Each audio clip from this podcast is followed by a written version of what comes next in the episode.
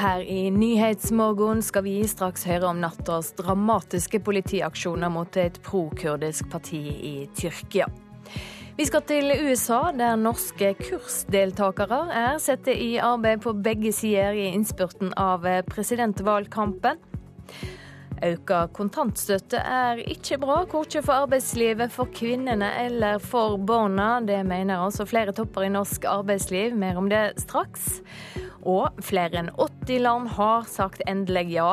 I dag trer Parisavtalen i kraft. Klima- og miljøministeren kommer hit til, til oss i Nyhetsmorgen. Ja, Riktig god morgen i studio i dag, Silje Sande. Vi starter i Tyrkia, der elleve parlamentsmedlemmer og to opposisjonsledere er arresterte. Styresmaktene har gjennomført en stor politiaksjon mot det kurdiske partiet HDP. Nedir? Niye bize haber vermiyorsunuz? Haber verin. Buradayız. Bir yere gitmiyoruz biz. Hayır ne yapmaya çalışıyorsunuz? Hvorfor har vi ikke fått noe forvarsel, roper Idris Barluken, som er jurist i HDP-partiet, når politiet går inn i kontorene deres i Diyarbakir. Partileder Selahattin Demirtas ble pågrepet hjemme, mens Figen Yuksektak, som han deler vervet med, ble pågrepet i hovedstaden Ankara. Det var også flere koordinerte aksjoner i byene Van og Bingol. Regjeringen har lenge vært ute etter opposisjonspartiet, som er det tredje største i nasjonalforsamlingen. Og ifølge det statlige nyhetsbyrået Anadolo er arrestasjonen en del av en terroretterforskning. Partilederen er beskyldt for å ha spredd propaganda for det forbudte kurdiske PKK-partiet. Denne uka byttet myndighetene ut to ordførere i den kurdiske byen Diyarbakir. Og i natt ropte folk at 'vi vil vinne gjennom motstand' da partikontorene ble ransaket.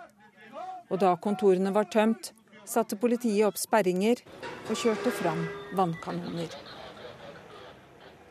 Det sa reporter Marit Kolberg.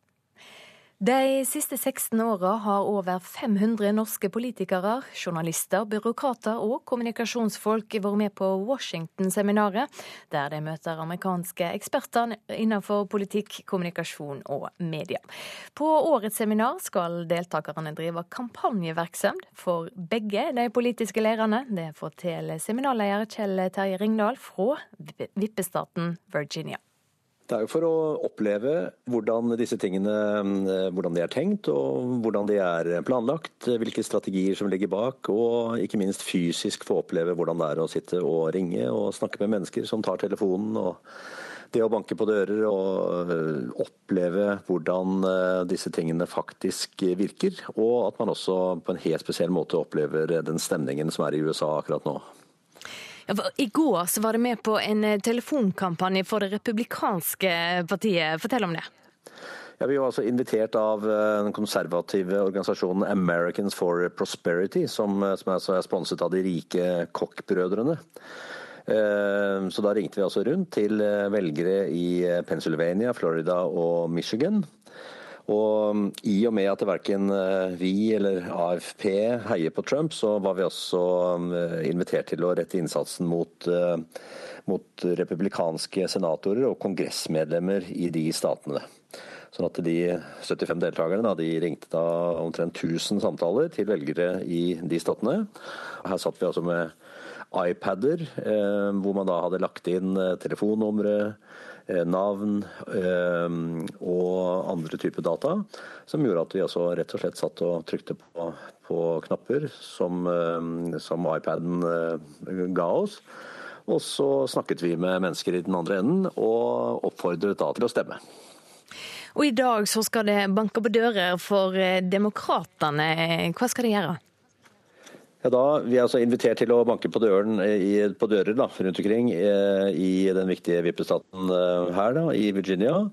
Og Da blir vi utstyrt med rodekart og samtaleguide og valgkampmateriell. Delt opp to og to, og så skal vi reke gatelangs. Og så skal vi banke på, på, dører. Og de dørene er ikke akkurat, Det er jo ikke tilfeldig hvilke dører vi banker på, fordi alle de adressene de er jo nøye satt sammen basert på big data, eh, stemmehistorikk, utdanning, eh, TV-serievaner, innkjøpsmønster, matvarer, bilvalg osv. Så videre. sånn at det, er jo et enormt arbeid eh, som ligger bak eh, det å identifisere hvem som bor hvor, og det å få da, selvfølgelig i dette tilfellet, demokratene til å stemme. Sånn at de dørene vi banker på, er antagelig demokrater. Og Da skal vi altså ikke argumentere for Hillary Clinton, men vi skal oppfordre til å stemme. Men siden det er demokrater, så er det altså bra sett med demokratiske øyne å få nettopp disse menneskene til valglokalene.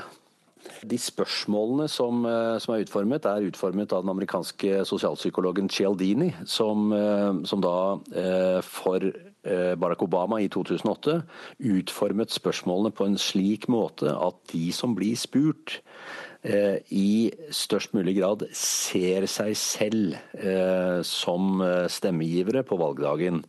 Altså Når man blir spurt om har du tenkt til å stemme, og de svarer ja, så skal man da fortsette med å spørre når på dagen har du tenkt å stemme? Er det på ettermiddagen, man tro? Har du tenkt å sykle, eller skal du kjøre bil? Altså den type spørsmål. Og i det øyeblikket eh, menneskene da som kanskje egentlig ikke hadde tenkt å stemme, hører seg selv si jo, jeg har tenkt å stemme, og jeg har tenkt å sykle, og jeg har tenkt å gjøre det på ettermiddagen, så vet man altså at det øker mulighetene for å, for å få dem til stemmelokalene. Og når man altså får eh, mobilisert velgere til stemmeurnene, så øker mulighetene for at det er demokrater, og at man altså gjør et, en liten innsats for både demokrati og for demokratene da, i dette tilfellet. Ja, Det sa Kjell Terje Ringdal, og jeg snakka med han like før sending. I Sør-Afrika vokser kritikken mot Jacob Zuma. Demonstrasjonene mot presidenten har tatt seg opp, og denne veka ble en statlig rapport om presidenten sine nære bånd til den styrtrike indiske familien Gupta offentliggjort. Nå er det klart at det skal opprettes en egen granskingskommisjon. McBeasy Jonas, visefinansministeren i landet med Afrikas største økonomi, ble tatt med til Gupta-familien i deres luksusvilla i oktober i fjor. Familien fortalte at personer i skattevesenet laget vanskeligheter for forretninger verdt en drøy milliard kroner. Gupta-familien tilbød Jonas posten som finansminister i Sør-Afrika, og spurte om han hadde en mappe stor nok til å ta med seg 250 000 kroner hjem der og da. Gupta-familien tilbakeviser dette, men Jonas står på sitt på side 94 i rapporten. Ifølge Jonas skrøt familien av at den hadde gjort Sumas sønn til milliardær, og om viseministeren Jonas takket ja til ministerposten og fikk fjernet de brysomme skattefolkene, så var takken for det verdt 250 millioner kroner. McBeasy Jonas hadde ingen planer om å møte Gupta-familien i det hele tatt, men ble ledet dit av Sumas sønn, i hans egen bil. Ryktene om dette møtet har versert i flere varianter i et helt år, men nå står visefinansministerens egen versjon på trykk i den offentlige rapporten som presidenten ville stanse. Det er ikke Francis Ford Coppola som står for regien. Den 355 siders lange rapporten er knusktørr og skrevet av ombudsmannen for slike saker. Den instansen har lite ressurser og begrenset mandat, så rapporten er ikke fasiten, men konkluderer med at mistanken er styrket, og den har makt nok til å anbefale en større granskning. En granskningskommisjon blir nå nedsatt. Gupta-familien ønsker den velkommen, ifølge deres advokat. Samtidig øker protestene mot presidenten. Tåregass og gummikuler mot demonstranter på vei til palasset. Trafikken på hashtaggen Zuma must fall vokser. Nelson Mandela Foundation ber presidenten gå. 101 ANC-veteraner ber om det samme. Den tidligere presidenten Tabo Mbeki har skrevet et brev der han ber Zuma møte partiveteranene og lytte. Mandag skal ANC ha et viktig arbeidsmøte. Temaet Zuma. Sverre Tom Radøy, Nairobi. Og vi starter med den hyggeligste framsida i dagens avisbunke. Aftenposten har et stort foto av en smilende og aktiv smågutt. Thorvald ble født uten hørsel. Et år senere skrudde legene på lyden. Journalistene har fått være med på reisa. Dagsavisen skriver at storbyene Oslo, Bergen og Stavanger advarer regjeringa mot å kutte i trygdeytingene til asylsøkere. Lokale politikere frykter at et slikt kutt vil føre til mer fattigdom og merutgifter for kommunene. Unge drikker mer alkohol enn foreldre tror, forteller Fedrelandsvennen. Det går fram av ei omfattende levekårsundersøking blant unge i Agder. Dropp hund og katt er oppfordringa fra TV-veterinær Trude Mostu til travle dyreeiere. Folk som plasserer hunden alene hjemme en hel arbeidsdag, eller som bare lar katten gå inn i en leilighet, burde skaffe seg et annet kjæledyr. Det finnes mange fine kosedyr på Nille og Ikea, sier hun til Dagbladet. Studentene som kommer fra Norges handelshøgskole, NHH, er altfor svake på datateknologi. Det mener sjef for programvaregiganten Visma, Øystein Moan. Han ber NHH om å ta grep og få støtte fra studentene, skriver Dagens Næringsliv. I Trondheim ble tidligere Arbeiderpartileder Rune Olsø leid inn for å hjelpe et firma med å få omregulert et landbruksområde til bostader. Både nåværende og tidligere varaordfører er svært kritiske til partitoppens håndtering av saka, skriver Adresseavisen. Skattesmell fra Brussel er overskrifta i Klassekampen. Den norske kampen mot skatteplanlegging strir med EØS-avtalen, hevder ESA. Og dersom Norge blir dømt, kan skatteforliket ryke, frykter Senterpartiet. Dagbladet skriver om Trond Giskes nye liv. 50-åringen som nett er blitt pappa, snakker med avisa om kjærleiken til Hadin Jai og om maktkamper i politikken. 40 kyllingbønder går fra Nortura til konkurrenten Den stolte hane etter store endringer i markedet. Nortura har reduksjoner, mens konkurrenten tillater nybygg, skriver Nasjonen. Og For 30 år siden døde sønnen til Anne Alvestad Berglund, tre dager gammel. Denne høsten sletter hun grava hans. Det var som om ti kilo forsvant fra skuldrene mine, sier hun til Vårt Land. Så skal vi ha sport. Henrik Kristoffersen føler seg alene i striden mot eh, Skiforbundet. Nå er det usikkert om Kristoffersen blir med i Finland neste helg. Vi etterlyser støtte fra andre alpinister i samme situasjon som Henrik, sier manager og pappa Lars Kristoffersen. Og Jeg kan ikke skjønne at det her ikke skal være interessant for flere. For jeg tror det er flere i alpint nå som hadde hatt muligheten til det her. Kilde, Jansrud, kanskje Nina eh, Men nei, det har ikke vært noe, ingen tilbakemeldinger eh, eller fra noen, egentlig. Henrik Kristoffersen er nå svært usikker på hva han skal gjøre videre med det sportslige. Han ønsker å få en rettslig avklaring på om Skiforbundet kan nekte han å kjøre med personlig hjelmsponsor. Om han skal bli med resten av laget til eh, Nord-Sverige nå for å trene fram mot verdenscupen i Levi neste helg, er usikkert. Altså Hva som skjer foreløpig, hvor, hvor, det skal dras for å stå på ski nå, det er det ingen som veit ennå. For det er, litt, uh, det er litt dårlig med snø rundt omkring. Så jeg tror de driver og sjekker i dag og i morgen hvor det er mulig å dra. og jeg håper jo at vi drar sammen med dem. Så du er ikke sikker på, eller du vet ikke her du står nå, om Henrik blir med laget hvis de drar nordover til Sverige før Levi? Nei. Hva er det som avgjør det eventuelt? Det er vanskelig å si hva som avgjør det. Eh, har dere vurdert tanken på å stå utafor landslaget? Er det et alternativ, sånn som du ser det nå? Nei, altså Det er jo ikke noe alternativ. Det er jo ikke mulig å stå utafor et landslag, for du får jo ikke lov å kjøre renn. Reportere Pål Thomassen og Tommy Barstein. Hovedsaker her i Nyhetsmorgen, og klokka er eh, straks 6.47. I Tyrkia er ni parlamentsmedlemmer og to opposisjonsledere arresterte etter en stor politiaksjon mot det kurdiske partiet HDP i natt. Skattepresset øker mot utleietjenester Airbnb. NHO Reiseliv er lei av at privatpersoner tilbyr overnatting i direkte konkurranse med hoteller. Og mer i kontantstøtte er ikke bra, korkje for barna eller mødrene deres. Det mener topper i norsk arbeidsliv. Men først nå skal det handle om Parisavtalen, for i dag trer den i kraft. Over 80 land har til nå ratifisert avtalen som skal avgrense klimautslippene. Men kravene må skjerpes, mener klimaforsker. Jeg ser, salle. Je vois que la réaction est positive. Je n'entends pas d'objection. L'accord de Paris pour le climat est accepté. Den internasjonale klimaavtalen ble vedtatt i Paris for snart ett år siden. Den er siden underskrevet av 175 land.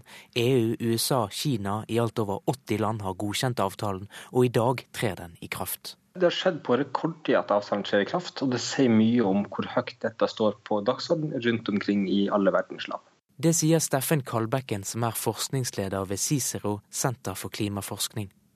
Han tror Parisavtalen kan sikre planeten fra de aller verste klimaendringene, men han er helt sikker på at 1,5-gradersmålet ikke vil nås. Det er bortimot teoretisk mulig, og politisk virker det helt umulig i dag, om det ikke skulle skjedd en revolusjon i mange land omtrent over natta. Hva med togradersmålet? Togradersmålet er fortsatt veldig veldig vanskelig nå. Det er naturlig nok lettere å klare en 1,5-gradersmål, men også det krever at man iverksetter ganske drastiske tiltak i løpet av noen få år fra en realistisk sjanse til å nå det målet. En ny rapport fra FNs miljøprogram UNEP viser at målene må skjerpes ytterligere for å unngå at temperaturen vil stige så mye som 3,5 grader. Neste uke samles utsendinger fra hele verden i Marokko på det første store klimamøtet siden Paris i desember i fjor. Cicero-forsker Kalbekken er tydelig på at hvert enkelt land, også Norge, må kutte mer i utslippene. Parisavtalen sikrer ikke at vi når togradersmålet. Den krever aktiv jobbing i årene framover, og at landene fører en mer og mer ambisiøs politikk. Det viktigste Norge må sørge for, er at vi gjennomfører nasjonale politikken som vi har lovt med. Reporter Eirik Tufteland Kroke. Med meg i studio nå, Vidar Helgesen, klima- og miljøminister. God morgen. God morgen. Hvordan skal Norge klare å gjøre det vi har lova? Vi la jo på bordet i fjor et forslag om å kutte utslippene med 40% frem til 2030, sammenlignet med 1990-nivå. Og å gjøre det innenfor en europeisk ramme. Det betyr at vi blir med i et EU-system som blir noe helt nytt for norsk klimapolitikk. Hvor vi bl.a. Eh, når det gjelder eh, f.eks. transport og landbruk og avfall, kommer til å få årlige utslippsbudsjetter som vi må holde, som vi må rapportere på. Og hvis vi ikke holder de årlige utslippsbudsjettene, så kan det hende vi blir pålagt ekstra utslippsforpliktelser. Det er noe nytt i norsk klimapolitikk. Det er mer forpliktende, og det inngår i en internasjonal ramme som vil styrke norsk klimapolitikk. Men vi hører her at det blir utfordret til å gjøre enda mer. Ser du noe mulighet for det? Ja, min forgjenger Tine Sundtoft ledet jo arbeidet med å få inn en Eh, mekanisme i Parisavtalen om at landene skal øke ambisjonene sine hvert femte år. Eh, det var Norge veldig opptatt av. Det er vi eh, forpliktet av nå som avtalen trer i kraft. Og det må alle verdens land gjøre. Men det aller viktigste landene må gjøre, er å begynne å iverksette klimapolitikken som de allerede har lovet. Blant annet så har halvparten av verdens land i sine forpliktelser sagt at de skal innføre karbonskatt, eller CO2-avgift. Og det er det langt fra eh, alle, som, alle de landene som eh, ligger an til å gjøre. Så det er mange ting som nå må gjøres, men signalet nå med all verden eh, allerede får Parisavtalen i kraft, er veldig sterkt. Ja, Og det skjer på rekordtid. Hvorfor, hvorfor det? Det gjør det fordi verden ser klimaendringene allerede. Vi ser isbreene smelte omtrent dag for dag. Vi ser økosystemene endre seg. Vi ser ekstremvær bli mer vanlig. Og det ser man også i eh, de store landene. USA og Kina har spilt veldig viktige roller for å dra verden fremover her. Og det betyr at eh, vi er mange som er overrasket over hvor raskt det har gått, men eh, det er også et veldig veldig sterkt signal til verdens markeder, til de som skal investere, at de skal investere i grønne løsninger, for det er der fremtiden ligger. Og det betyr at nå kan ingen være i tvil om at eh, verden mener alvor med Parisavtalen. Men hva tenker du da om at forskerne er så klare på at det nærmest er umulig å avgrense oppvarminga til 1,5 og 2 grader? 1,5 grad vil kreve at man får viktige og store fremskritt på karbonfangst og -lagring. Um, noe av det Norge satser mye på, er jo internasjonal regnskogsbevaring. Det har viktige lagringseffekter. Eh, men eh, det blir likevel krevende å komme mot 1,5-gradersambisjonen. Eh, Togradersmålet er innenfor rekkevidde, men da må verdens land nå sette alle kluter til. Neste uke møtes verdens land i Marrakech til denne klimatoppmøtet i år. Og der er det nettopp gjennomføring av Parisavtalen som står på kartet. Nå kreves det ikke nye internasjonale forhandlinger om ambisjonene, nå kreves det at man starter gjennomføringen. Takk for at du kom i studio til oss, Vidar Helgesen. Øka kontantstøtte er ikke bra for barna, for kvinnene eller for arbeidslivet. Det sier alle toppene i hovedorganisasjonene i arbeidslivet. Kristelig Folkeparti vil øke kontantstøtta til 9000 kroner neste år. Det er feil retning, sier administrerende direktør Vibeke Hammer Madsen i Virke. Vi opplever jo at her går KrF i feil retning. Fordi vi trenger å skape flere arbeidsplasser. Og vi trenger å skape mer lønnsomme arbeidsplasser. Og da trenger vi faktisk å ha flest mulig folk i jobb, og ikke holde de hjemme. Kontantstøtten bør øke med 50% til 9000 kroner måneden, krever leder Knut Arild Hareide og Kristelig Folkeparti i høstens budsjettforhandlinger på Stortinget. Men vi ønsker at de skal få lov til å velge sjøl. Men fra hele det organiserte arbeidslivet advares det om at økt kontantstøtte er kvinnefiendtlig, barnefiendtlig og feil resept for arbeidslivet. Unio vil heller at vi skal fjerne kontantstøtten. Fordi alle barn har godt av å gå i barnehagen. Hvis en øker kontantstøtten, så fører det til at eh, en holder enda flere barn utenfor dette tilbudet. Sier Ragnhild Lid, som leder Unio. Lederen av akademikeransatte Kari Sollien sier lavere kvinnelønn kan kobles til barnepass. Det er da grupper med lik utdanning får forskjellig lønnsutvikling. For er at menn jobber mer og kvinner mindre når de blir foreldre. Så du tenker likestilling? Vi tenker likestilling. NHO mener kontantstøtten bør fjernes helt, og en fersk Nav-rapport beviser at kvinnene jobbet mindre da kontantstøtten ble økt for to år siden. Ja, nei, Jeg tror ikke at å øke kontantstøtten er godt for noen. LO-leder Geir Kristiansen sier at mer kontantstøtte også gir mangel på arbeidskraft i bedriftene. Og kontantstøtta viser seg jo er ei bremse for å få mødre ut i jobb. Dessuten gir økt kontantstøtte mindre valgfrihet for kvinner, ikke mer, som noen hevder, sier administrerende direktør Anne Kari Bratten i arbeidsgiverforeningen Spekter. Det vil i hvert fall ikke føre til noe valgfrihet, slik Kristelig Folkeparti hevder. Det vil være det motsatte av valgfrihet, fordi mange kvinner vil måtte føle seg presset til å være hjemme fordi beløpet er så høyt. Reporter Hedvig Bjørgum. Og det er mer enn bare kontantstøtte å debattere for Kristelig Folkeparti om dagen, Håvard Grønli. Ja, denne helga er de nok aller mest opptatt av den interne strategiske diskusjonen. For det mye omtalte landsstyremøtet er denne helga. Møtet der de skal vedta om de garanterer for ei blå regjering etter valget i 2017, eller om de kan tenkes å støtte ei større regjering. To landsstyremedlemmer med litt ulikt syn kommer til Politisk kvarter. 7.45 i P2 og i Alltid nyheter. 16 store maleri av en av de mest sentrale samtidskunstnerne her i landet, Bjarne Melgaard, er stansa i tollen på Gardermoen. Tolletaten mener billetter ikke kan klassifiseres som kunstverk, og de ber de for Melgaard om å betale 1,3 millioner kroner i moms for å få tilgang til bildene sine. Det er helt sinnssvakt at, at, det skal komme inn så konservative krefter og beskrive hva som er kunstverk eller ikke, når de har ingen kompetanse til det i det hele tatt. Sier Bjarne Melgaard. For noen uker siden sendte han 18 store malerier fra atelieret sitt i New York og hjem til Norge. Men da de ankom Gardermoen, sa tolletaten stopp. Maleriene kan ikke klassifiseres som kunst, mente de, på tross av at Melgaard er en av Norges mest kjente samtidskunstnere. Jeg syns ikke det skulle være deres oppgave igjen. De er jo tollere. De har jo ikke noe kunstkompetanse i det hele tatt.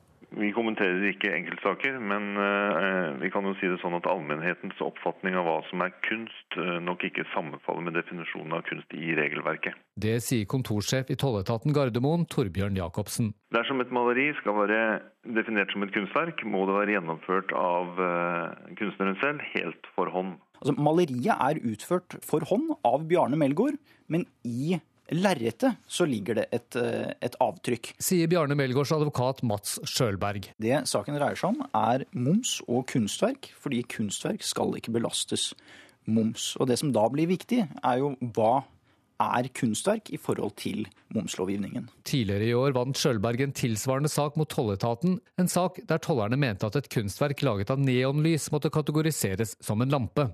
Den gang var det mest en prinsippsak med et momskrav på bare 2500 kroner, sier Sjølberg, Men for de 16 Melgaard-bildene som selges for 350 000 kroner stykket, er momsregningen på hele 1,3 millioner kroner. Det som er problemet i denne saken, eh, er at tollmyndighetene legger til grunn en langt snevrere eh, forståelse av kunstverkbegrepet enn det det er rom for i dagens regelverk? Vi eh, følger eh, regelverket, det gjør vi. Men jeg vil ikke si at vi eh, er firkanta for å være firkanta, nei.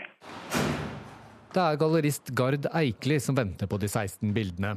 Han er svært fortvilet over situasjonen. For meg så er jo dette her krise. Jeg har jo brukt masse penger på å få disse, disse verkene til Norge, Norge, og dette her er jo er jo malerier som jeg trenger for å fortsette drift av galleriet. Reporter Petter Sommer. Vi skal ha ei værmelding. Austafjells og fjellet i Sør-Norge får øke til nordøst liten kuling på kysten og i fjellet. Stiv kuling på sørlandskysten til kveld. Nedbør som brer seg nordover, snø i indre strøk og i områder nord for Larvik. Det blir mer nedbør mot kvelden, da som snø også nær kysten av Telemark og Aust-Agder. Vestlandet og Trøndelag får sørøstlig frisk bris, liten kuling sør i Rogaland. Litt snø i indre strøk. Sør for Stad skyer og litt regn, også i ytre strøk. Nord for Stad opphold og en del sol. Nord-Norge østlig frisk bris, liten kuling i Nordland. Noen snøbyger øst i Finnmark, ellers mye fint vær. Spitsbergen får økete sørlig kuling utsatte steder. Snø fra vest økende om kvelden. Temperaturene målte klokka fire. Svalbard lufthavn minus tre. Kirkenes minus sju. Vardø null. Alta minus fire. Tromsø-Langnes minus tre. Bodø minus én. Brønnøysund og Trondheim-Værnes hadde begge null. Molde én plussgrad. Bergen-Flesland fire. Stavanger fem. Kristiansand-Kjevik to. Gardermoen minus fire. Lillehammer minus to. Røros minus åtte. Oslo-Blindern minus én grad.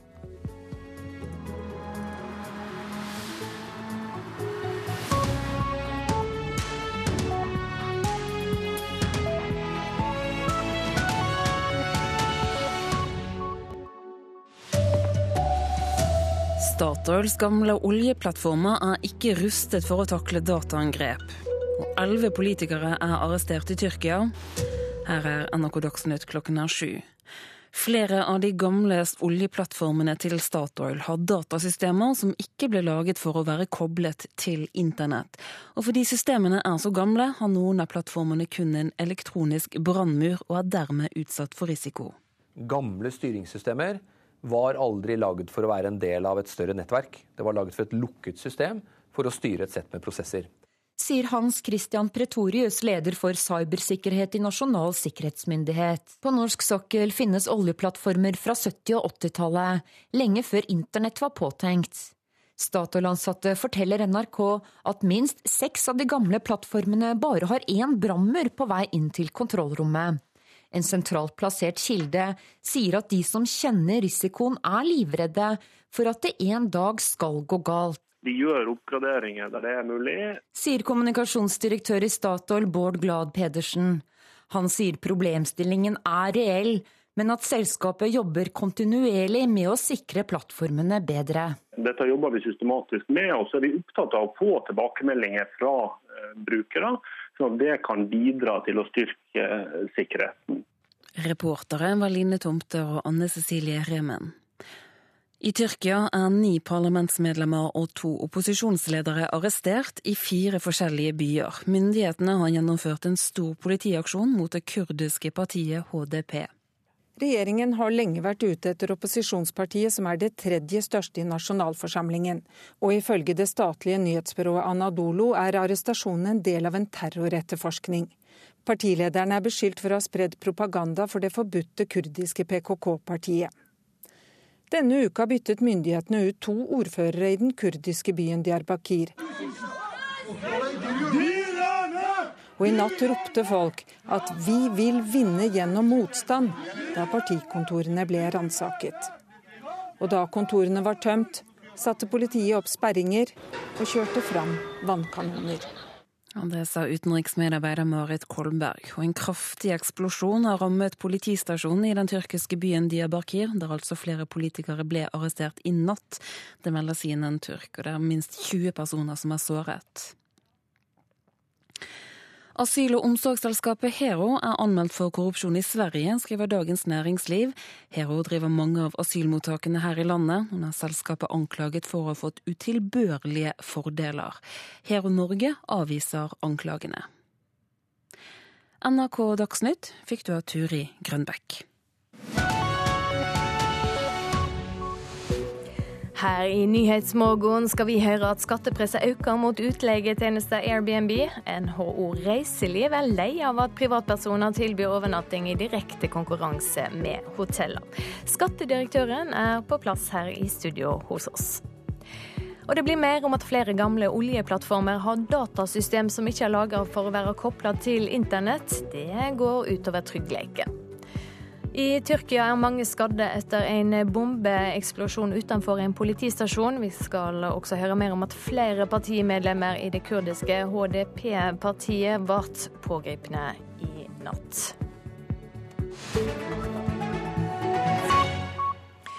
Men først altså skal det handle om Airbnb. Den skattefrie søte kløa kan være over for de som har leid ut husværet via denne tjenesten uten å oppgi inntektene. Skatteetaten her i landet har ikke tilgang til informasjon om utleierne fra Airbnb, men det har Kina sikra seg. Og nå krever direktør i NHO Reiseliv Kristin Krohn Devold at også Norge får innsyn i den norske Airbnb-businessen. Dette må vi jo også gjøre i Europa og i alle land som opplever det som er virkeligheten, nemlig at Airbnb er verdens største hotellkjede. Selskapet som formidler privat overnatting over hele verden, varsler denne veka at de fra 7.12 vil utlevere opplysninger om utleiere til styresmaktene i Kina. Og det som skjer i Kina, bør også skje i Norge, sier Krohn Devold. Og Kravet fra NHO Reiseliv er helt krystallklart. Leier du ut en leilighet slik som Airbnb gjør, så skal du rapportere statistikk til statistikkmyndighetene og omfang av økonomien til skattemyndighetene, slik at denne næringa kan betale skatt på lik linje med hotellnæringa. Hun er lei av at privatpersoner via Airbnb tilbyr overnatting i direkte konkurranse med hotellnæringa. Derfor er brevet om det som skjer i Kina, godt lesestoff for henne. Jeg leser det slik at kinesiske myndigheter har pålagt Airbnb å rapportere om alle som driver utleie gjennom Airbnb, og omfanget av det. Airbnb-utleie er blitt enormt stort. Bare i de nybygde boligblokkene på Sørenga, sentralt i hovedstaden, kan du finne opp mot 30 overnattingstilbud lagt ut på Airbnb. Mange husvær er kjøpt med tanke på utleie. Noe av dette er skattefrie inntekter til de som driver i småskala. Andre driver stort, kanskje betaler de skatt, kanskje ikke. Foreløpig er ikke omfanget så stort, men hotellene opplever det som veldig urettferdig at de betaler skatt. De har arbeidsgiverangift, de har ansvar for en haug med ansatte, de bidrar til å bygge det norske samfunnet. Og så har du en annen næring som har vokst opp ved siden av, og som egentlig er hotelldrift.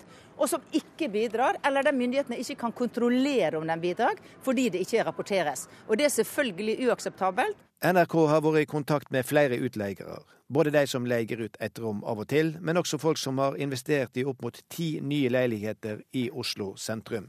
Men få vil stå fram i radio og TV, og særlig ikke når vi snakker om inntekter og skattlegging. Det er jo ikke tvil om at det har blitt ei stor næring. Og det er klart at Når vi hører meglerne si at én av tre nye leiligheter som kjøper i Oslo, kjøper seg folk som ikke skal bo der sjøl, så er pengeinntjeninga og næringsomfanget betydelig. I byer som Berlin, Paris og Barcelona har lokale styresmakter gått inn og regulert slik utleie i bykjernen etter at Airbnb-modellen tok helt av. Det er ikke Oslo kommune planer om, sier avdelingsdirektør Kyrre Jordbakke i plan- og bygningsetaten. Vi eh, kontrollerer ikke privat utleie, med mindre det er i strid med reguleringen eller er i strid med forskriftene med hensyn til rømningsveier, at ombygginger eller sånne ting. Men, eh, men, vi regulerer ikke privat utleie som sådan, og vi regulerer ikke hvem som er i bygningene til enhver tid. Reporter her er Bjørn Atle Gildestad. Skattedirektør Hans Christian Holte, god morgen. Airbnb letter på sløret når de denne veka skriver at eh, akkurat som hotell og andre virksomheter som opererer i Kina, må Airbnb eh, overholde reglene og kan bli nødt til å utlevere opplysninger om vertskap, gjester og utleiested. Betyr dette at norske skattestyresmakter også kan kreve samme innsyn i eh, hvem som legger ut? Nå er det slik at eh, Kina nok eh, går ut på en litt bredere basis enn kun det skattemessige, og de ønsker en veldig god kontroll med hva som foregår på nettbaserte tjenester i Kina. Så er, Der er det del av en litt større problemstilling, så vidt jeg kan se. Det er også interessant å se at England faktisk gjør noe av det vi snakker om her. Nemlig å kreve en viss rapportering fra formidlere, som også delingsøkonomiselskapene jo er. Så dette er noe vi eh, følger med på. Vi har en tradisjon i Norge for å få eh, mye eh, informasjon, f.eks. i selvangivelsen, fra banker, arbeidsgivere osv.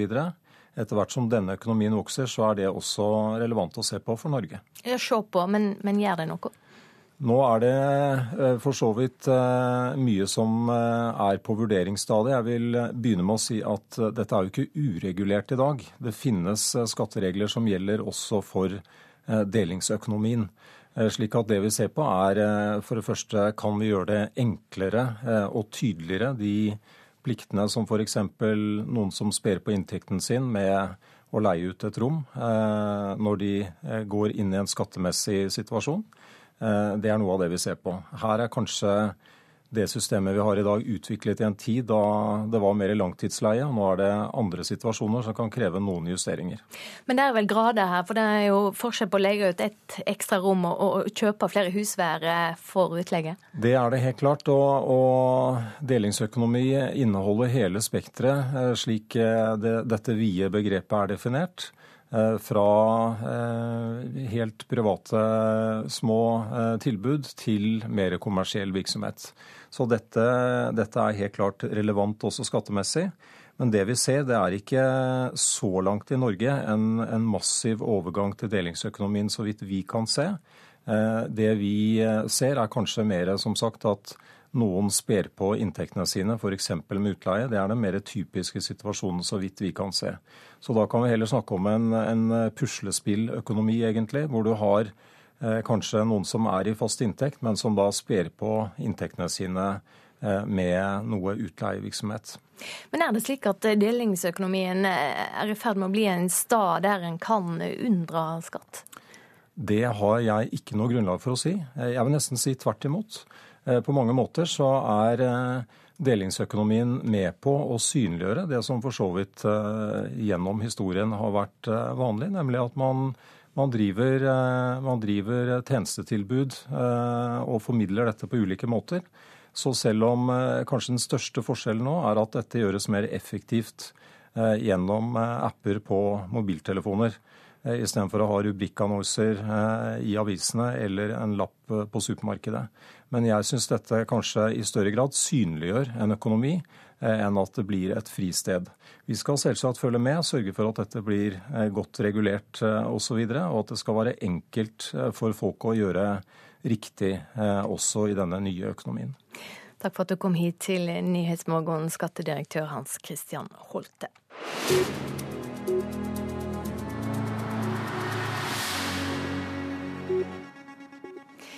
Som vi hørte i Dagsnytt, flere av de gamle oljeplattformene til Statoil har datasystem som ikke ble laga for å være kobla til internett. Det gjør at minst seks oljeplattformer bare har én brannmur. Det betyr at plattformene er sårbare dersom eh, de blir utsatt for ondsinna åtak. På alle oljeplattformer er det kompliserte systemer som overvåker, styrer og lukker deler av produksjonen hvis farlige situasjoner oppstår. Gamle styringssystemer var aldri laget for å være en del av et større nettverk. Det var laget for et lukket system for å styre et sett med prosesser. Sier Hans Christian Pretorius, leder for cybersikkerhet i Nasjonal sikkerhetsmyndighet. På norsk sokkel finnes oljeplattformer fra 70- og 80-tallet, lenge før internett var påtenkt.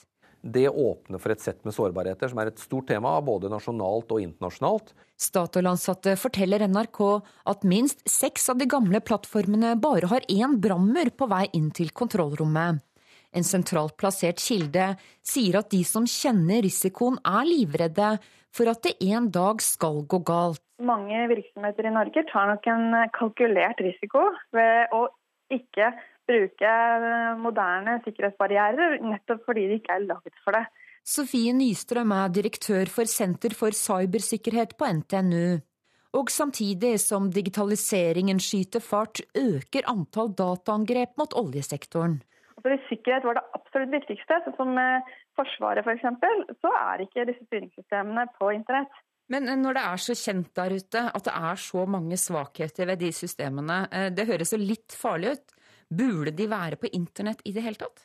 Det er igjen et kostnadsspørsmål. Jeg tror Hvis vi skal sikre 100% så vil ikke denne industrien her gå rundt. Vi gjør oppgraderinger der det er mulig. Sier kommunikasjonsdirektør i Statoil Bård Glad Pedersen. Han sier problemstillingen er reell, men at selskapet jobber kontinuerlig med å sikre plattformene bedre. Dette jobber vi systematisk med, og så er vi opptatt av å få tilbakemeldinger fra eh, brukere sånn at det kan bidra til å styrke eh, sikkerheten. Dette er ikke en problemstilling som er unik for Statoil eller for vår industri, men for alle som har eh, infrastruktur som bør eh, beskyttes. og Dette jobber vi systematisk med. Så Dette er en avveining i forhold til tilgjengelighet gjennom fjerndrift og fjerntilgang, og, og den sårbarheten og risikoen man faktisk løper. Reportere Line Tomter og Anne Cecilie Remen. Hovedsaker her i Nyhetsmorgen. Klokka er straks 7.14. I Tyrkia er ni parlamentsmedlemmer og to opposisjonsledere arresterte etter en stor politiaksjon mot et kurdisk parti i natt. Det blir mer om det straks. Her hjemme øker skattepresset mot utleietjenester Airbnb. NHO Reiseliv er lei av at privatpersoner tilbyr overnatting i direkte konkurranse med hoteller. Vi følger med, sier skattedirektøren, som lover at det skal bli enklere å orientere seg i reglene. Og om litt freden i verden er trua. Det sier FNs påtroppende leder Antonio Guterres. Han savner mer innsats for fred og vil ha Norge med på laget.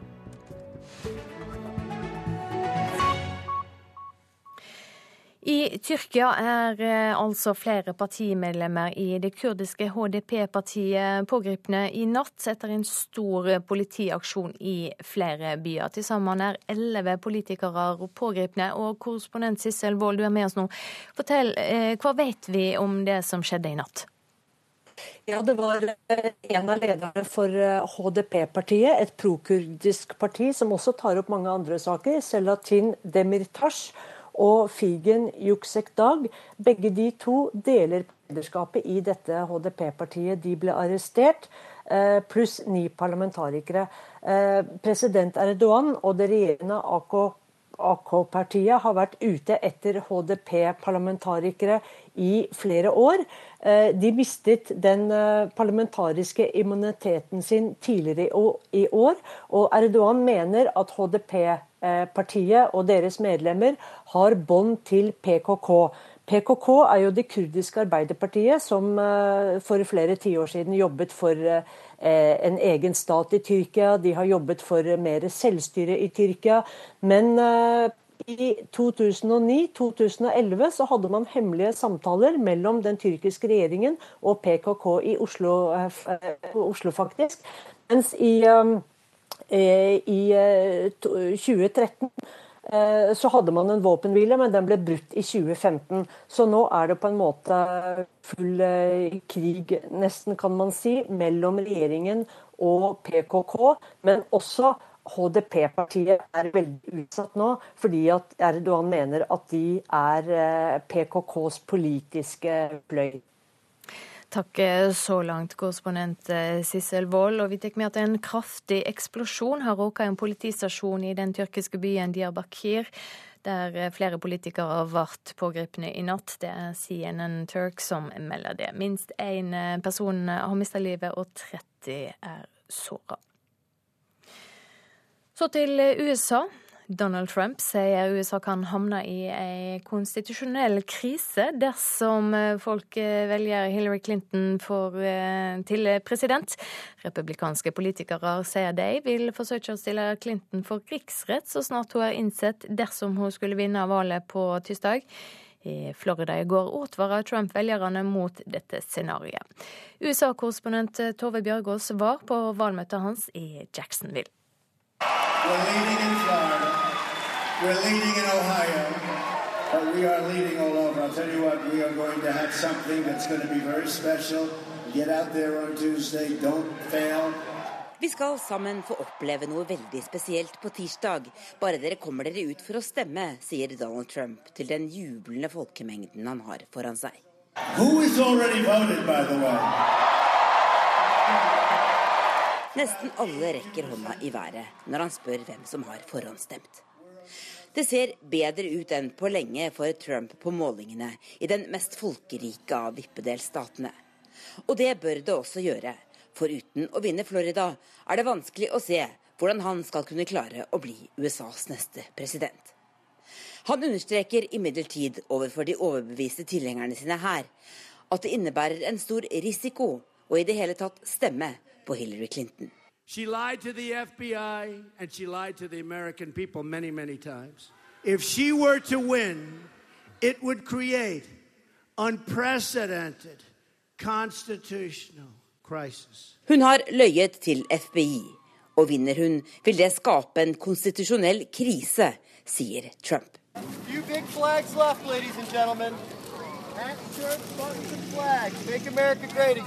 Utenfor hallen står Sean i en av de mange bodene som selger capser, T-skjorter og jakkemerker. What, uh, what is your bestseller? Um, Hillary for prison and, and uh, deplorable lives matter. De hvor det står 'Sett Hillary i fengsel' er mest populære, forklarer han. Selv vil han imidlertid ikke stemme på mannen som har gitt ham gode inntekter de siste månedene. Hva tenker du om Trump? I think he's sa a savvy businessman. My opinion is that he does not have the political background to be able to really handle scenarios where you're sitting in, you know, with a culturally diverse crowd. And... Han er en lur forretningsmann, men jeg tror ikke Trump har den politiske bakgrunnen som trengs for å jobbe i internasjonale fora med f.eks. handelsavtaler og sånt, sier Betty Braden, som er i ferd med å kjøpe en T-skjorte, er naturlig nok ikke enig med ham som selger den.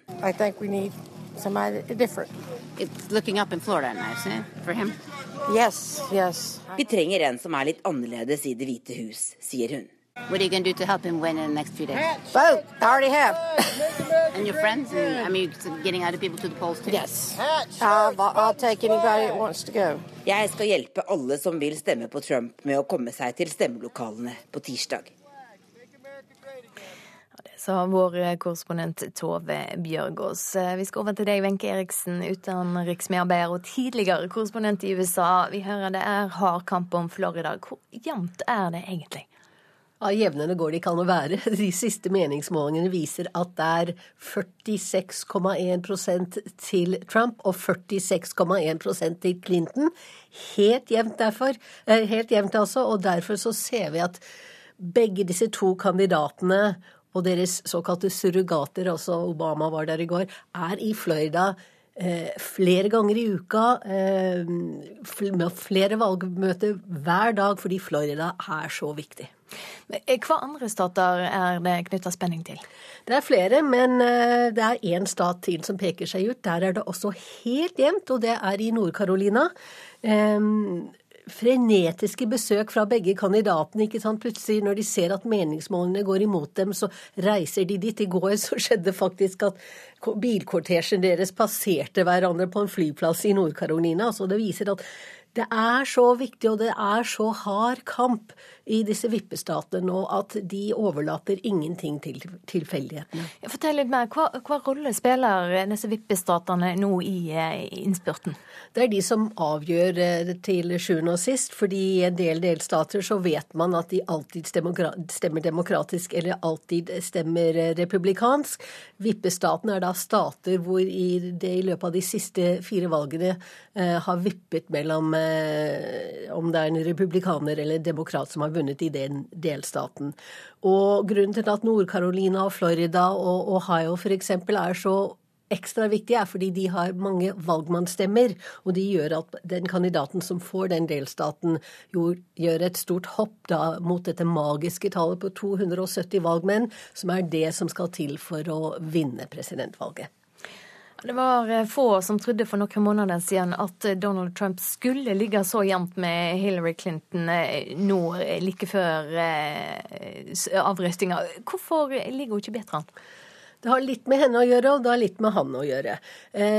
De siste målingene viser at republikanere som har vært imot Trump gjennom hele valgkampen, mange av dem begynner nå å bare gi opp og si OK, jeg stemmer på Trump.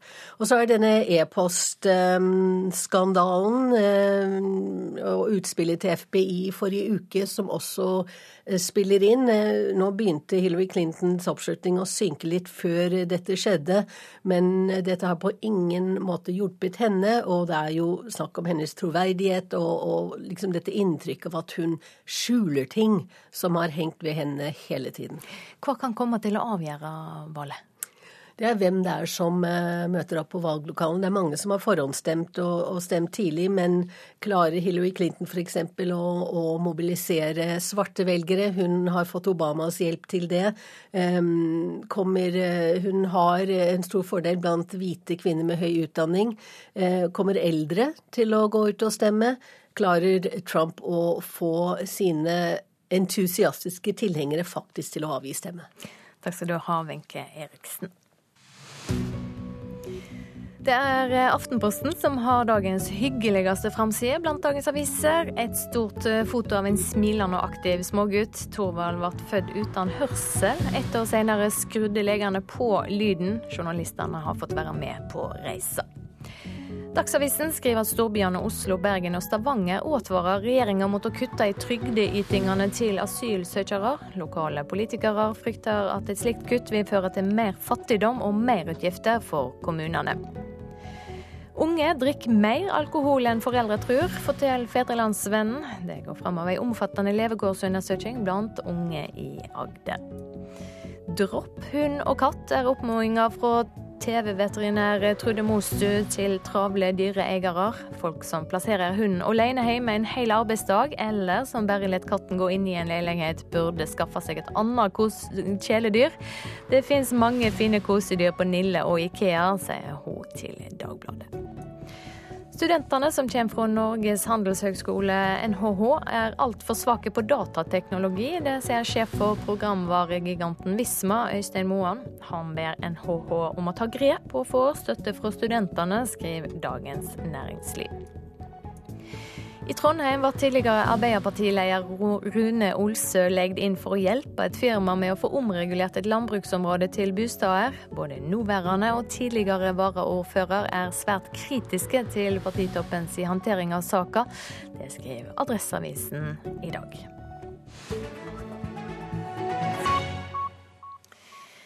I et av eh, hans første intervju siden han fikk jobben, sier FNs påtroppende leder Antonio Guterres at verdensfreden er trua.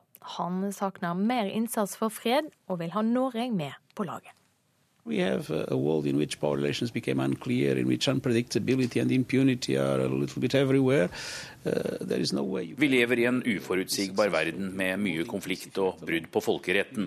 Mange slipper f.eks. straff for brudd på menneskerettighetene. Det er en usikker tid, sier Antonio Guterres. Uh, Han er FNs påtroppende generalsekretær, nummer ni i rekka, og er den som overtar når Ban Ki-moon avslutter sine to femårsperioder ved nyttår. How will the United Nations uh, change under your uh, leadership? I, I, think that uh, for the moment, what I'm concerned is to make sure that we prepare in order to be able to be more effective in relation to the diplomacy for peace. Fredsdiplomati er stikkordet til verdens kommende toppdiplomat. Jeg forbereder meg nå på å sette FN i stand til å hindre konflikter på kortere tid, sier Guterres. Samle kreftene som kan hjelpe med å bygge bro over mistillit og dempe konfrontasjoner. Peace is the dramatic gap Uh, NRK møter 67-åringen på hans overgangskontor, et kvartal fra FNs hovedkvarter i New York. Antonio Guterres har holdt en lav profil siden han ble utpekt for tre uker siden, men legger ikke skjul på hva som blir hans største utfordring. Det var huge progress in relation to the sustainable development goals. There was a huge progress in relation to uh, climate change. Det er gjort store framskritt for å nå FNs bærekraftsmål, og det er store framskritt i kampen mot klimaendringene. Men det er en dramatisk mangel på kapasitet for å hindre konflikter, sier Antonio Guterres. Han var en uredd og frittalende høykommissær for flyktninger i ti år. Nå skal han inn i det som omtales som verdens vanskeligste jobb. What kind of Norway would you like to see in UN? No, Norway has a very large tradition of mediation of conflicts. Norway has been an honest broker in many situations uh, in the world. Norge har vært involvert i fredsarbeid og snakket med parter i flere konflikter. Dere kommer til å spille en sentral rolle også fremover, men det er vanskelig å fremme fred om en står alene, mener FNs kommende sjef, som gjerne spiller på lag i fredsdiplomatiet. Colombia er et eksempel, der FN allerede er koblet på med observatører som overvåker deler av fredsprosessen. So, uh, Utenriksminister Børge Brende er her i New York i ett døgn for å møte Guterres. FNs medlemsland, også Norge, ivret for en kvinnelig FN-leder denne gang. Men den tidligere portugisiske statsministeren gikk seirende ut. Det var et uh, viktig tema. Han uh, ønsker å styrke kvinneandelen uh, i FN. Og mange i det overgangsteamet hans også, til og med lederen, er en kvinne. Så jeg tror han vil være en veldig sterk generalsekretær generelt, og jeg tror han kommer til å sette dette med likestilling virkelig på toppen av agendaen. Brende bruker disse ordene for å beskrive Ban Ki-moons etterfølger. Har en sterk vilje til å gå inn eh, i vanskelige konflikter hvor vi opplever krig, eh, hvor vi opplever behov for fred- og forsoningsarbeid. En generalsekretær eh, som kan gå inn i Syria, gå inn i Jemen, gå inn i Sør-Sudan. Anders Tvegård, New York. Det er straks tid for Dagsnytt i hovedsending. Etter det skal vi til Colombia her i Nyhetsmorgen. Produsent eh, for Nyhetsmorgen i dag, Kari Bekken Larsen. Her i studio, Silje Sande.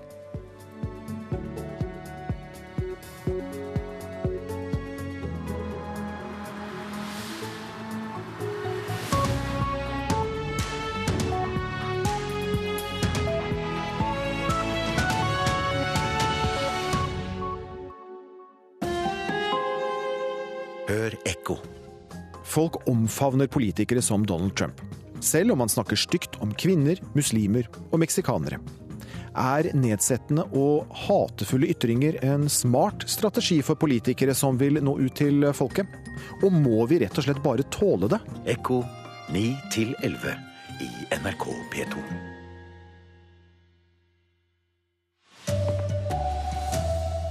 Elleve politikere er arrestert i en stor politiaksjon i Tyrkia. Statoils gamle oljeplattformer er sårbare for et dataangrep, og regjeringen går trolig inn for å la pelsdyrnæringen bestå. Her er NRK Dagsnytt klokken er 7.30. I Tyrkia har det vært en stor politiaksjon mot det kurdiske partiet HDP. Ni parlamentsmedlemmer og to opposisjonsledere er arrestert. Nedir? Niye bize haber vermiyorsunuz? Haber verin. Buradayız. Bir yere gitmiyoruz biz. Hayır, ne yapmaya çalışıyorsunuz? Hvorfor har vi ikke fått noe forvarsel, roper Idris Barluken, som er jurist i HDP-partiet, når politiet går inn i kontorene deres i Diyarbakir. Partileder Selahattin Demirtas ble pågrepet hjemme, mens Figen Juksektak, som han deler vervet med, ble pågrepet i hovedstaden Ankara. Det var også flere koordinerte aksjoner i byene Van og Bingol. Regjeringen har lenge vært ute etter opposisjonspartiet, som er det tredje største i nasjonalforsamlingen. Og ifølge det statlige nyhetsbyrået Anadolo er arrestasjonen en del av en terroretterforskning. Partilederen er beskyldt for å ha spredd propaganda for det forbudte kurdiske PKK-partiet. Denne uka byttet myndighetene ut to ordførere i den kurdiske byen Diyarbakir.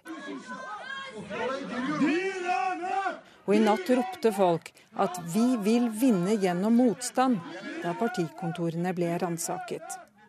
Og da kontorene var tømt, satte politiet opp sperringer og kjørte fram vannkanoner.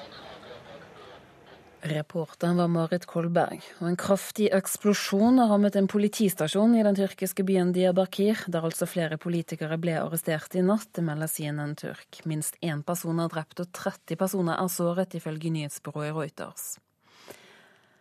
Flere av de gamle oljeplattformene til Statoil har datasystemer som ikke ble laget for å være en del av internett, og siden systemene er så gamle, har noen av plattformene bare en elektronisk brannmur og er langt mer utsatte for risiko. På alle oljeplattformer er det kompliserte systemer som overvåker, styrer og lukker deler av produksjonen hvis farlige situasjoner oppstår. Gamle styringssystemer var aldri laget for å være en del av et større nettverk. Det var laget for et lukket system for å styre et sett med prosesser sier Hans Christian Pretorius, leder for cybersikkerhet i Nasjonal sikkerhetsmyndighet. På norsk sokkel finnes oljeplattformer fra 70- og 80-tallet, lenge før internett var påtenkt.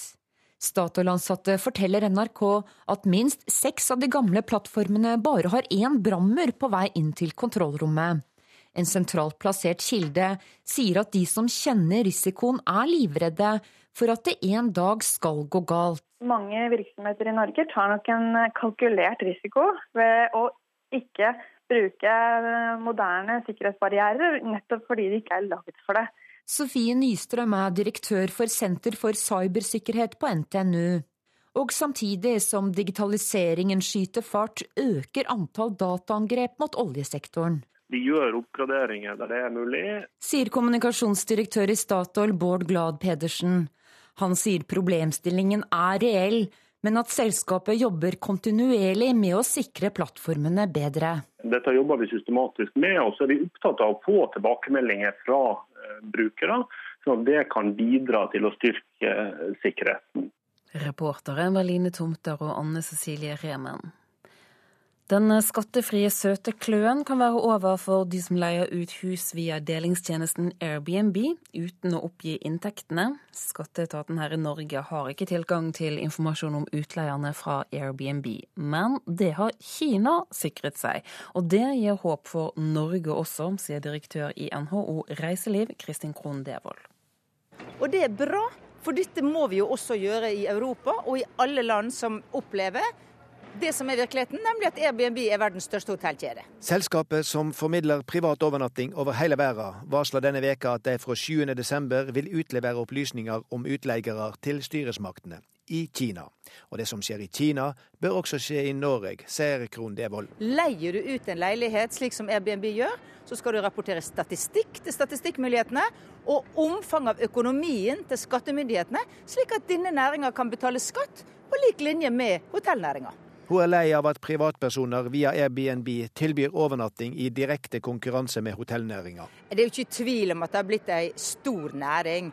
Og det er klart at Når vi hører meglerne si at én av tre nye leiligheter som kjøper i Oslo, kjøpes av folk som ikke skal bo der sjøl, så er pengeinntjeninga og næringsomfanget betydelig. Bare i de nybygde boligblokkene på Sørenga, sentralt i hovedstaden, kan du finne opp mot 30 overnattingstilbud lagt ut på Airbnb. I byer som Berlin, Paris og Barcelona har lokale styresmakter gått inn og regulert slik utleie i bykjernen, etter at Airbnb-modellen tok helt av.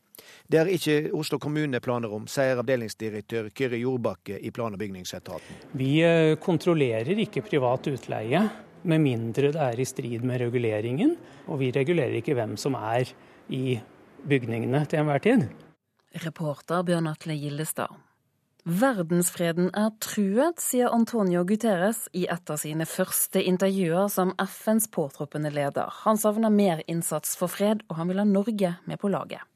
We have a world in which power relations became unclear, in which unpredictability and impunity are a little bit everywhere. Uh, no Vi lever i en uforutsigbar verden med mye konflikt og brudd på folkeretten. Mange slipper f.eks. straff for brudd på menneskerettighetene. Det er en usikker tid, sier Antonio Guterres. Of, uh, Han er FNs påtroppende generalsekretær, nummer ni i rekka, og er den som overtar når Ban Ki-moon avslutter sine to femårsperioder ved nyttår. How will the United Nations uh, change under your uh, leadership? I, I, think that uh, for the moment, what I'm concerned is to make sure that we prepare in order to be able to be more effective in relation to the diplomacy for peace. Fredsdiplomati er stikkordet til verdens kommende toppdiplomat.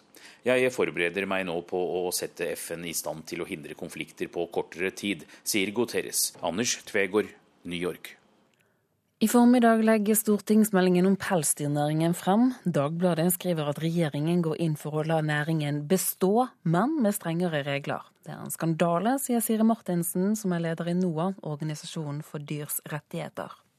Hvis det stemmer at eh, regjeringen ignorerer faglige råd fra Veterinærforeningen, Veterinærinstituttet og til og med Mattilsynet, som alle nå er veldig tydelige på at problemet her er at rev og mink holdes i trange bur hele livet. Da er det faktisk en eh, skandale, rett og slett. Etter det Dagbladet erfarer, vil regjeringen forby gruppehold av mink, slik at det kan være maksimalt én mink i hvert bur for å unngå at dyrene skader hverandre.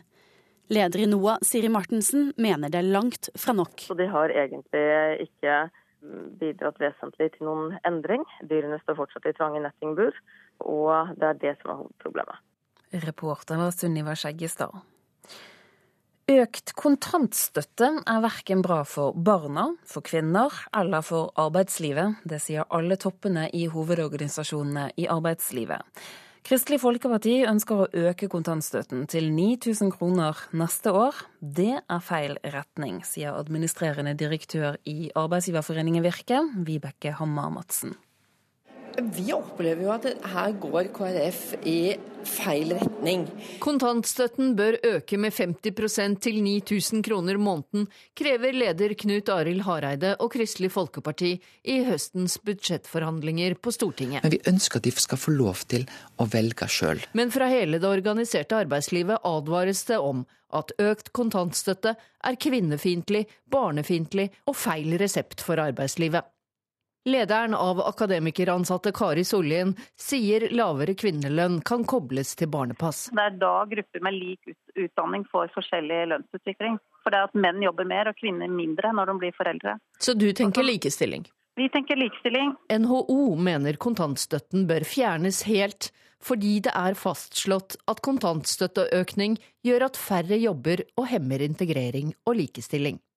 Og LO-leder Geir Kristiansen sier at mer kontantstøtte også gir mangel på arbeidskraft i bedriftene. Vi har bruk for alle hendene, også damehendene i arbeidslivet i dag. Dessuten gir økt kontantstøtte mindre valgfrihet for kvinner, ikke mer, som noen hevder sier administrerende direktør Anne Kari Bratten i Arbeidsgiverforeningen Spekter. Det vil i hvert fall ikke føre til noe valgfrihet, slik Kristelig Folkeparti hevder. Det vil være det motsatte av valgfrihet, fordi mange kvinner vil måtte føle seg presset til å være hjemme fordi beløpet er så høyt.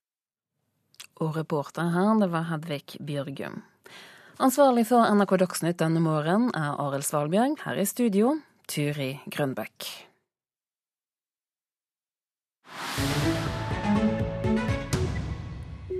Til eh, Colombia nå. Der gjør styresmaktene et nytt forsøk på å få til ei fredsløsning etter at folket sa nei til den siste avtalen. Det vanskeligste er rettsoppgjøret med geriljagruppa FARC. Det mener journalisten Arne Halvorsen, som nå kommer med bok om Colombia sin vei mot fred.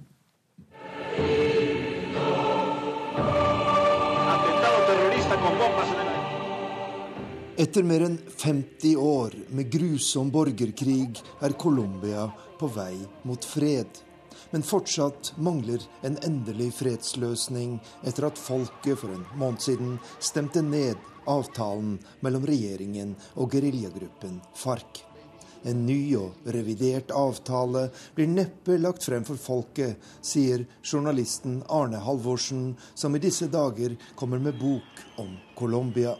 Alt tyder på uh, at eh, president Santos uh, kommer til å ta den raske veien, nemlig å, å legge han direkte fremfor Kongressen, der han har et solid flertall, og ikke gå en runde til med folkeavstemning. Der har han en dårlig erfaring.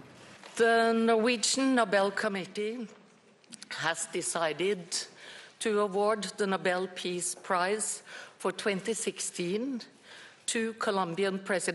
Juan Manuel Santos.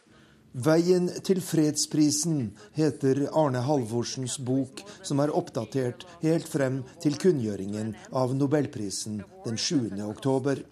Ifølge forfatteren vil prisen øke muligheten for å få til en endelig fredsavtale. Den største utfordringen er rettsoppgjøret, og folk flest reagerer på at lederne i geriljagruppen FARC bare skal sone samfunnstjeneste. Dette er tungt for de fleste, eh, fleste colombianere. Eh, de, de syns at dette er urettferdig, at folk som har begått mord, eh, terrorisme, som har, som har stjålet jord etc., etc., som FARC har gjort, og drevet med, med kokain at de da skal gå fri eh, fengsel.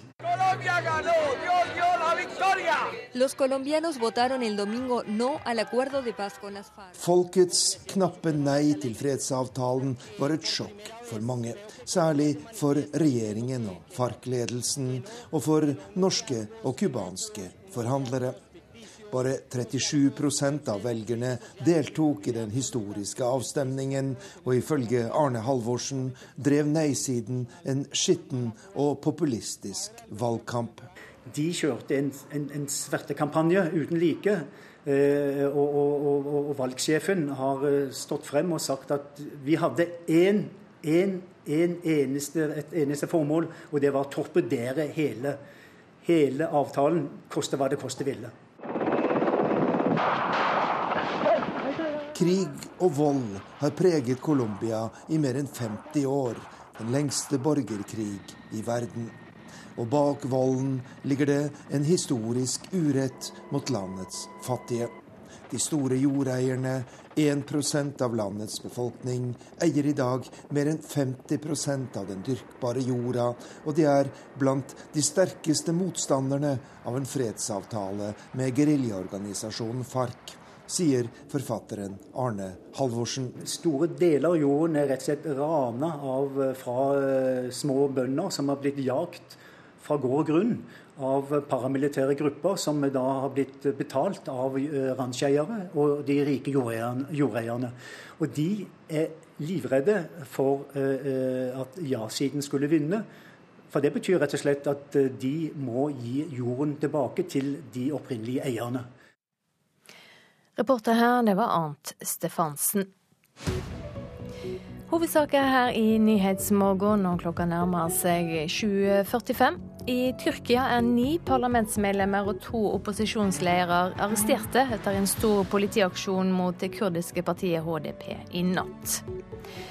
Statoil sine gamle oljeplattformer er sårbare for dataangrep. De er ikke laga for å være kobla til internett, datasystemer der. Økt kontantstøtte er ikke bra, korkje for arbeidslivet, for kvinnene eller for barna. Det mener flere topper i norsk arbeidsliv. Da er programleder Håvard Grønli straks klar med dagens utgave av Politisk kvarter.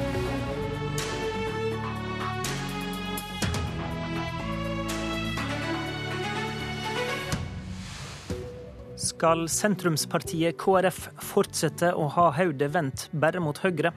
Eller skal de også snu seg mot venstre, der de kan skimte en ivrig Støre i øyekroken?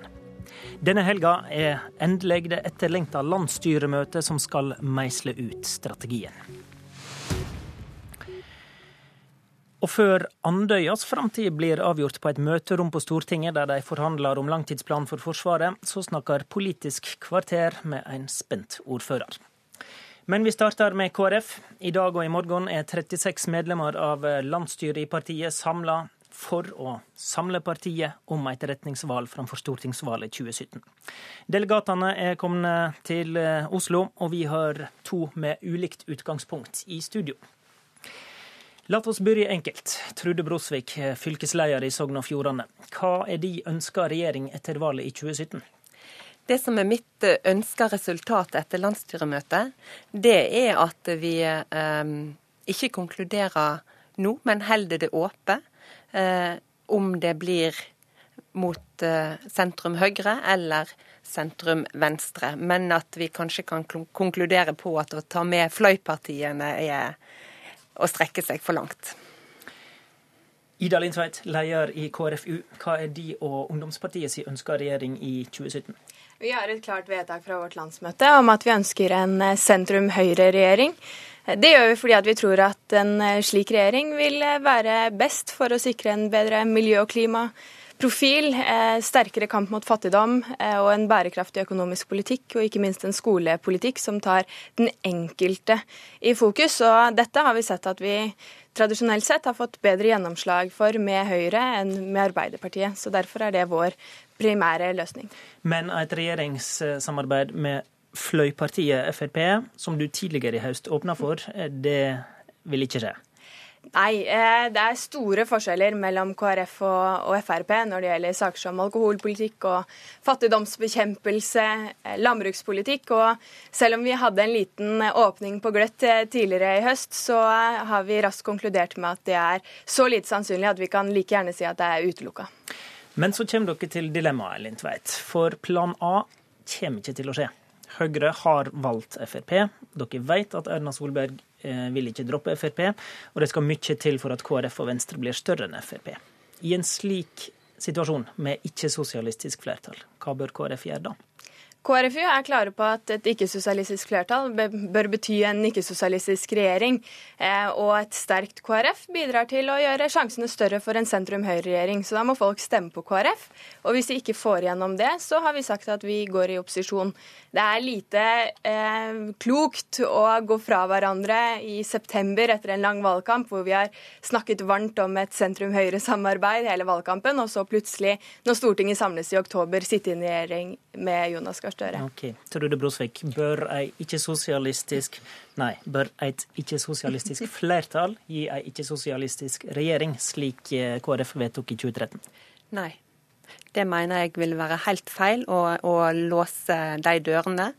Jeg er enig i de sakene som Ida trekker opp, og sakene Det er det som har vært viktig når vi har diskutert denne saka i eh, lokalpartiene, i fylkespartiene.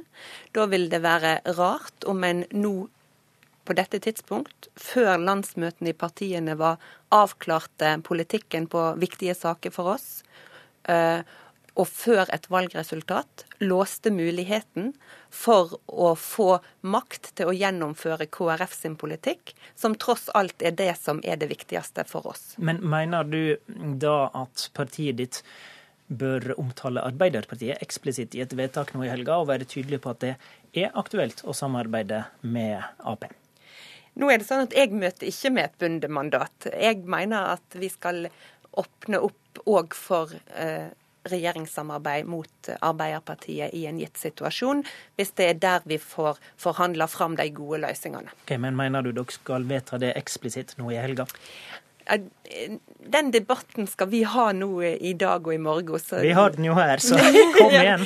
ja, ja jeg, jeg, er ikke klar for å si, og jeg har ikke et bundet mandat, så jeg kan på en måte forhandle på det.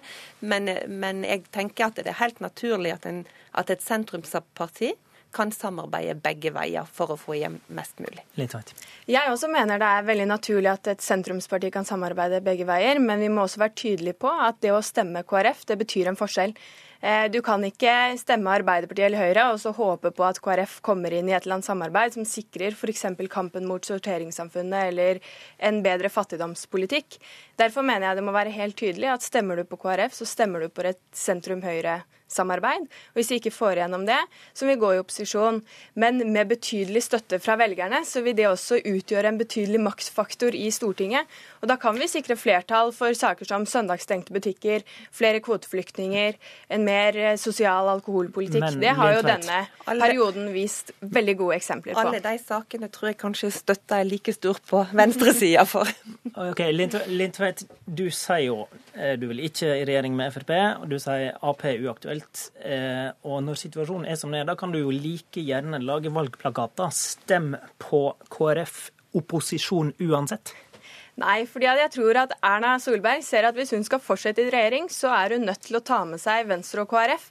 Eh, og jeg mener det er Erna Solberg som kan velge det. Hvis ikke så velger hun jo selv å gå ut av regjeringslokalene. Og hvis ikke Frp vil støtte en sånn regjering, så velger de selv å sette inn Jonas Gahr Støre som statsminister. Og det tror jeg verken Erna Solberg eller Siv Jensen er veldig interessert i. Noen vil kanskje mene at praksis, i praksis så lover du faktisk å sette inn ei Frp-regjering? Nei, i praksis så lover jeg helt klart å sette inn en Høyre sentrum-regjering. Det tror jeg er best for eh, landets innbyggere. Men jeg tenker at du egentlig lover at hvis ikke vi får et samarbeid med Høyre, så, så eh, gir vi slipp på forhandlingsmulighet for å få vår politikk gjennom. Og det er ikke jeg med på. Men Brosvik, de holdning kan jo eh, føre til at velgerne ikke aner hva de får. Hvis vi skal gå inn i en valgkamp og inn i et valg der KrF skal ha alle dører åpne, eh, hvordan skal en velger vite hva han får da? Det, en vil vite at en får KrF-politikk, og ved å stemme KrF så får en disse viktige sakene som går på menneskeverd, familiepolitikk eh, og, og eh, landbruk, eh, distriktspolitikk. Men samtidig vet du at dette blir også et statsministervalg, der det vil være veldig mye fokus på om det blir rød eller blå regjering. Det er jo det som er den tredje veien i politikken. Da kan ikke du bare si at, at, vi har et valg mellom to retninger. Du er nødt til å stå og jobbe for den politikken som er den tredje veien. og det skal vi gjøre. Det er vår jobb. Lindtveit, jeg vet du er redd for at dere skal bli utydelige. Ja, jeg mener at vi må ha et veldig klart svar på hva velgerne stemmer på. Jeg tror den ene velger mener det er stor forskjell på å sitte i regjering med Erna Solberg og Jonas Gahr Støre.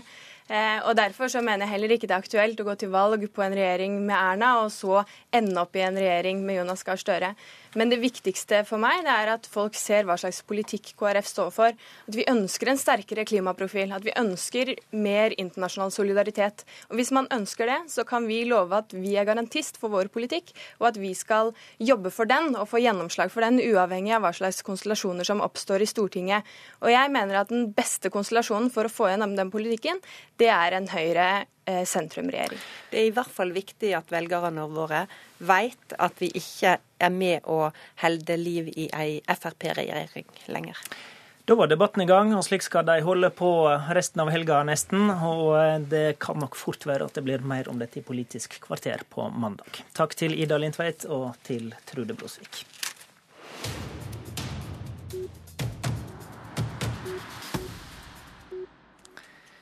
De parlamentariske lederne på Stortinget forhandla i går om langtidsplanen for Forsvaret, før de gikk fra hverandre seint på kveld. Men eh, i dag kan det bli semje om en ny forsvarsplan. Det betyr at det er skjebnetime for Andøya-samfunnet helt nord i Vesterålen. For eh, regjeringa har foreslått å legge ned Andøya flystasjon og samle kampfly og maritime overvåkingsfly litt lengre sør, på Evenes. God morgen, Jonny Solsvik, ordfører i Andøy fra Høyre. God morgen. Ordførerkollegaene dine fra Evenes og Narvik er i Oslo for å følge forhandlingsinnspurten med håp om gladmelding om nye arbeidsplasser. Burde ikke du også være her for å prøve å sikre de arbeidsplassene du har? Jeg uh, vurderer det slik at uh, jeg, mi, våre argumenter knytta til spørsmål om Andøya, de ble, det sørger vi for godt, blir godt ivaretatt. Og jeg mener bestemt at min plass i det du sjøl kalte for en skjebnetive for Andøy, det er å være, være til stede i kommunen for befolkning og næringsliv. Hva er du redd for at skal skje i dag? Nei, Selvfølgelig er det slik at vi er veldig spent. Og vi er veldig, eh, veldig eh, bekymra for at man får et vedtak i dag som betyr en, nedleggelse av eh, Andøya flystasjon. Selv om det er slik at regjeringa foreslår at det først skal skje i 2023 eller 2025, så det likevel vil det, vil det bety mange år med stor usikkerhet om fremtiden i, i Andøy-samfunnet. Ja, Hva tror du skjer med Andøya-samfunnet da, om det ikke blir en slik delt løsning som uh, dere argumenterer for med, med, fortsatt drift på flystasjonen? Nå er jeg, nå er jeg eh, tilhenger av at uh, vi får få vedtak og premissene for vedtaket før jeg går for langt i å kommentere innholdet i det, og, og, og, for så vidt også konsekvenser. Men når du spør slik du gjør, så vil jeg si at det er noe bortimot umulig for meg og for Andøy-samfunnet å forstå at, eh, at, beslutninger med så store konsekvenser som vi her snakker om, kan tas på et så dokumentert svakt beslutningsgrunnlag med hensyn til konsekvenser som Stortinget her er invitert til. Hva slags konsekvenser er det du mener ikke er utgreia godt nok? Ehm, jeg snakker både om det som ikke er utredet godt nok, men også det som i, eh, etter vårt syn i langtidsmeldinga er, er, beskrevet som store, men likevel håndterbare konsekvenser. Der er vi jo sterkt uenig med det regjeringen fremstiller som konsekvenser. og da må jeg nevne at Det vi ser for oss, er en nedgang i sysselsettinga på ca. 20 som en følge av et slikt vedtak. Vi ser for oss en, en befolkningsnedgang på ca. 20 altså ca. 1000 innbyggere over tid. Og ikke minst ser vi for oss eh, store negative effekter for virksomheten ved Andøya Space Center og Andøya Testsenter.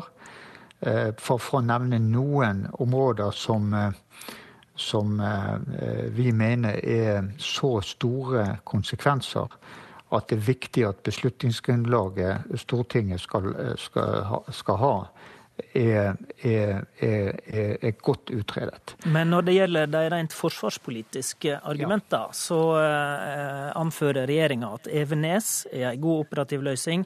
Den er støymessig bedre, den er mer moderne, den har store personellmessige fordeler med nærleik til Narvik og Harstad.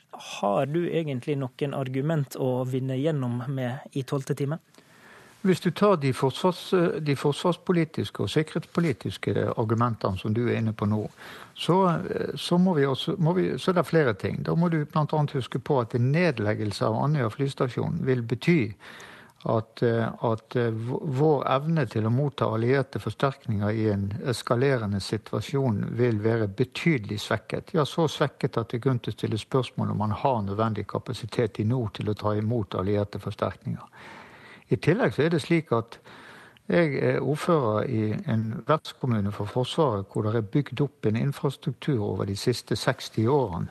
designet Designa spesielt for å operere de maritime patruljeflyene. De siste fem-seks årene så er det faktisk investert en 600-700 millioner for å gjøre at dette, eh, til, til, at denne mm. flystasjonen skal akkurat løse den oppgaven. Dette du, må reinvesteres eh, på en, helt på nytt dersom man flytter det til en annen plass. Du representerer Høyre. Er det kort til slutt slik at du håper mer på andre parti enn ditt eget akkurat nå? Det jeg håper på, det er at man ikke fatter, helt uavhengig av partipreferanser, at man ikke fatter en beslutning som er, ikke er basert på tilstrekkelig gode nok eh, analyser og beregninger på konsekvenser både for Forsvaret, og for forsvarsøkonomien okay. og, for, og for samfunnet. Takk til deg, Jonny Solsvik. Følg med på NRK i dag, så ser vi hva utfallet blir. I studio, Håvard Grønli.